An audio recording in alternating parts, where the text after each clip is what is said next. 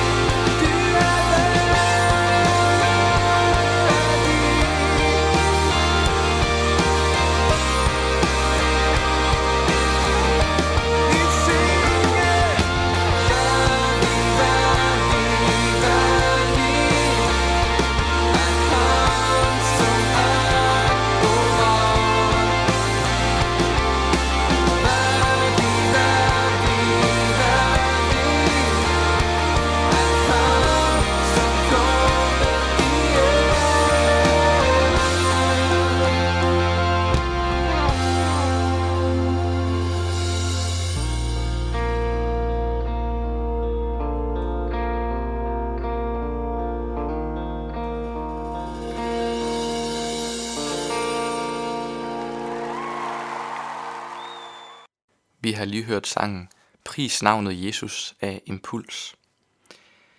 Jeg synes, det er sådan en god sang, en rigtig øh, lovprisning af Jesus. I dag skal det handle om Jesus som ordet. I Johannes evangeliets første kapitel, vers 1-4, der står der sådan her. I begyndelsen var ordet. Ordet var hos Gud, og ordet var Gud. Han var i begyndelsen hos Gud. Alt blev til ved ham, og uden ham blev intet til af det, som er. I ham var liv, og livet var menneskers lys, og lyset skinner i mørket, og mørket greb det ikke. Jesus er ordet, som er og altid har været hos Gud. Jesus er ikke skabt af Gud, nej, han har altid været hos Gud. I det første Johannesbrev, kapitel 1, der blev Jesus beskrevet som livets ord. Der står sådan her. Det, som var fra begyndelsen. Det, som vi har hørt. Det, som vi har set med vores øjne. Det, som vi betragtede, og hvor hænder rørte ved. Livets ord. Jesus er ikke blot ordet, nej, han er også livets ord. Hans ord skaber liv hos den, der lytter. Bibelen bliver også ofte kaldt for ordet. Og det synes jeg egentlig giver rigtig god mening. Bibelen er Jesu ord til os. Bibelen er Guds ord til os. Og vi må altid lytte til, hvad Jesus han har at sige til os. Derfor må vi heller ikke stoppe med at, at læse i hans ord. Vi må altid være nysgerrige på, hvad Gud har at sige til os. Og så kan det være, at du sidder og tænker, jamen er det ikke mennesker, der har skrevet Bibelen? Hvordan kan du så sige, at Bibelen er Guds ord? Bibelen er på en gang både Guds ord og menneskers ord. Vi kan ikke opdele Bibelen i det ene og det andet.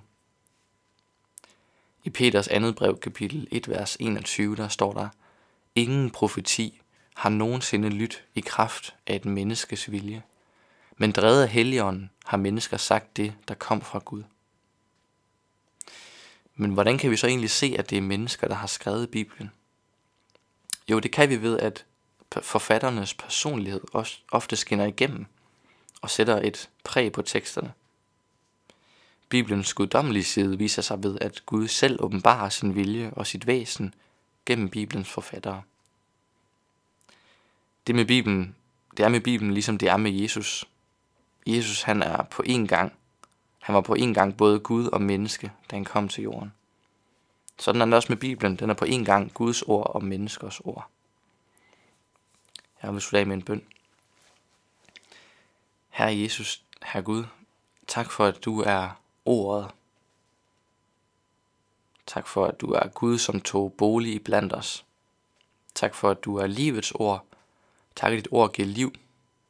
Tak, at vi har Bibelen at læse i. Tak for, at vi har dit ord at læse i.